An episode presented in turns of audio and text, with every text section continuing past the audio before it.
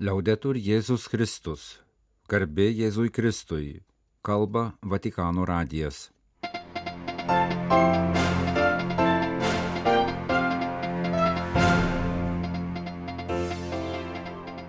Malonus klausytojai, šioje antradienio gegužės 9 programoje koptų ortodoksų popiežius Tavadrosas II pradėjo vizitą Vatikane.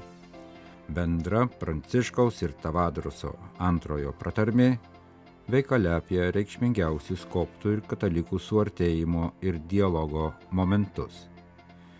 Į Kyjevą atvyko Švedijos katalikų ganytojai lydimi kardinolo Anderso Arboreliuso.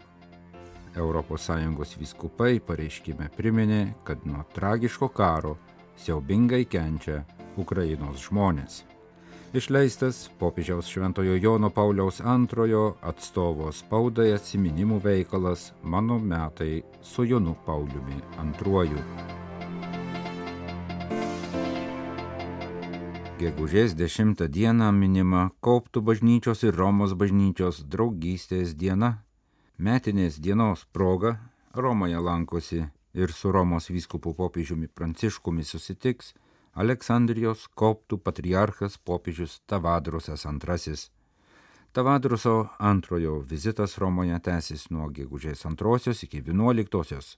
Koptų ortodoksų patriarcho sostas yra Egipte, Aleksandrijoje koptų ortodoksų tikinčiųjų bendruomenė be diasporos sudaro per 10 milijonų Egipto gyventojų ir ji yra skaitlingiausia krikščioniška bendruomenė arabų pasaulyje.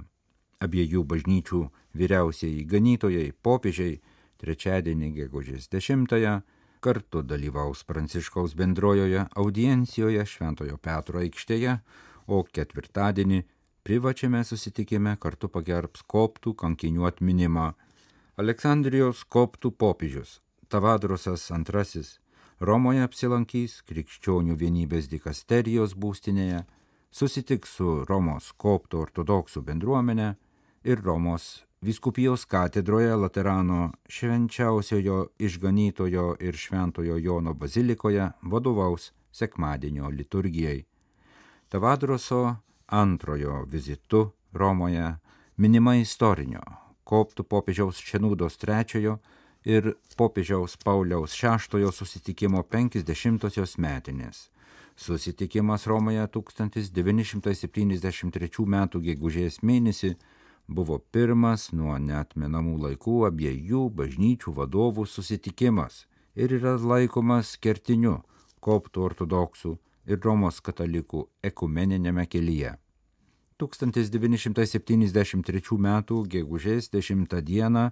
popiežiai Šenūda III ir Paulius VI pasirašė kristologinę deklaraciją, išsprendusią istorinį po ketvirtojo visuotinio susirinkimo 451 metais Halkedone, dabartinio Stambulo dalyje, kilusi nesutarimą dėl Jėzaus prigimties monofizitizmo doktrinos. Po penkiolikos amžių buvo pašalinta kliūtis krikščionių vienybės kelyje.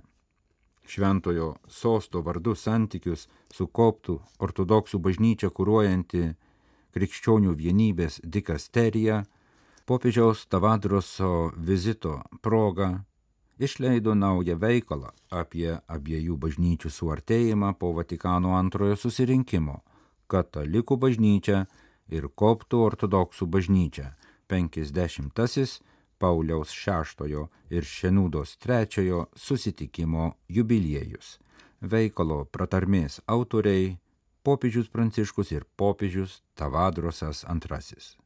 Koptų ortodoksų bažnyčia savo žingsnius krikščionių vienybės kelyje tamprai derina su Romos katalikų bažnyčia Tavadrosas II labai ryštingai remia pastangas dėl bendros datos Velykų iškilmėms, kurią skaitlingos bažnyčios ir krikštytųjų bendruomenės dabar švenčia skirtingomis dienomis. Tavadrosas II 2014 metais laiškė popiežiui Pranciškui paragino nustatyti bendrą Velykų datą. Tai pakartojo ir suvažiavime Vienoje minint fondo pro Oriente įsteigimo 50-asias metinės. Tavadrosas antrasis kelionės į Vatikaną išvakarėse per oficialius koptų ortodoksų bažnyčios kanalus išplatintame video įraše įvardijo pamatinius krikščioniškų konfesijų santykių punktus pilnutiniai visų krikštytųjų vienybei atkurti. Anot Tavadroso antrojo įvardijusio keturis pamatinius punktus arba žingsnius - bažnyčių dialogas ir jų kelias į pilnutinę vienybę privalo kliautis išimtinai Kristaus kryžiumi ir būti jo formuojamas. Pirmas punktas - pripažinti, kad skirtingų krikščioniškų konfesijų vienybės šaltinis, leidžiantis vienybei atsiskleisti, yra bendra meilė Kristuje. Tavadrusas antrasis pažymėjo, kad tai yra vienybė meilėje, kurią galima patirti tik sekant Kristaus mokymu ir einant jo pėdomis. Jis pripažįsta, kad po nevienybės amžių ir dešimtmečių reikia laiko, kad būtų atrastas pilnutinės vienybės kelias, o širdyse turi užgimti pasitikėjimas ir nuoširdus troškimas. Antras punktas. Reikia solidaus žinių apie skirtingų bažnyčių doktriną, geografiją, istoriją ir tradicijas bagažo. Trečias punktas - dialogas. Jis semėsi šviesos ir veiksmingumo iš pirmųjų dviejų punktų. Patriarkas pateikė pavyzdį, sakydamas, kad krikščionys dialoge gali vieni kitų paklausti, paaiškink, ką iš tikrųjų nori pasakyti savo formulėmis ir žodžiais. Tokiu būdu mes galime pamatyti, kad dalyjamės tuo pačiu tikėjimu, tačiau mūsų terminologija mums nepadeda. O tai yra problema, dėl kurios kenčiame nuo Halkedono laikų, pažymėjo Tavadrosas antrasis, kuris paaiškino, kad po šio susirinkimo prasidėjusi nevienybė ėmė draskyti krikščionys taip pat ir dėl ginčių kilusių dėl teologinės terminologijos mes buvome apkaltinti monofizizmu, patikino koptų ortodoksų popiežius, kalbėdamas apie Kristaus žmogiškąją prigimtį nepripažįstantį mokymą. Terminu pridūrė Tavadrosas antrasis, kuris jokių būdų neatspindi mūsų. Ketvirtas punktas - malda. Anot Aleksandrijos koptų ortodoksų patriarcho ir popiežiaus Tavadroso antrojo Šių punktų įgyvendinimas leidžia pasiekti Kristaus širdį ir eiti ranka rankon. Koptų ortodoksų bažnyčia vadovaujasi šiais kriterijais santykiuose su visomis pasaulio bažnyčiomis. Knyga Katalikų bažnyčia ir Koptų ortodoksų bažnyčia 50-asis Pauliaus VI ir Šenūdos III susitikimo jubiliejus 1973-2023 yra dokumentų rinkinys apie reikšmingesnius koptų ir katalikų suartėjimo bei dialogo momentus. Bendrą pratarmę knygai parašė popiežius Pranciškus ir koptų patriarchas popiežius Tavadrusas II. Mūsų bažnyčioms tęsiant kelionę visiškos bendrystės link svarbu visada žvelgti į ateitį kaip ir apaštalas Paulius, veržiamės pirmin. Ir sveikai nekantraudami širdyje dėl vienybės, turime nenustoti savęs klausti, kvanta est nobis vyja, kiek toli dar turime nukeliauti, rašoma bendroje pratarmėje anglų kalba. Tačiau ekumeninėje kelionėje reikia kartais atsigręžti atgal. Gundomi nusivylimų turime atgauti viltį, remdamiesi prieš mus ėjusių vienybės pradininkų įkvėpimu ir užsidegimu. Taip pat turime dėkoti Dievui, prisimindami jau žengtus žingsnius ir nueitą atstumą, kurie dažnai yra daug reikšmingesni nei įsivaizduojame. Būtent toks ir yra šios knygos tikslas, pažymė popiežius Pranciškus ir patriarchas Travadrosas II. Pratarmyje paminimi kai kurie reikšmingiausi momentai. Vienas iš pirmųjų, svarbiausių ir daug vaisių davusių dokumentų buvo bendra kristologinė deklaracija. Popiežiaus Paulio VI ir patriarcho Šenūdos III pasirašyta 1973 m. gegužės 10. -ąją. Su jos paskelbimu padėtas taškas. 15 amžių nuo Halkedono susirinkimo užsitęsusiai kontroversijai. Tai leido sukurti bendrą katalikų ir koptų komisiją, kuri 1979 metais paskelbė drąsius ir inovatyvius katalikų bažnyčios ir koptų ortodoksų bažnyčios vienybės paieškos principus, patvirtintus jau Jono Pauliaus antrojo ir Šenūdos trečiojo parašais. 2003 metais ši komisija virto katalikų bažnyčios ir rytų ortodoksų bažnyčių šeimos teologinio dialogo ir suartėjimo vieta. Jų pirmajame susitikime primena Pranciškus ir Tavadrusas II, kuris vyko 2013 gegužės 10 Romoje, nuspręsta įsteigti tądien minimą kasmetinę koptų ir katalikų draugystės dieną.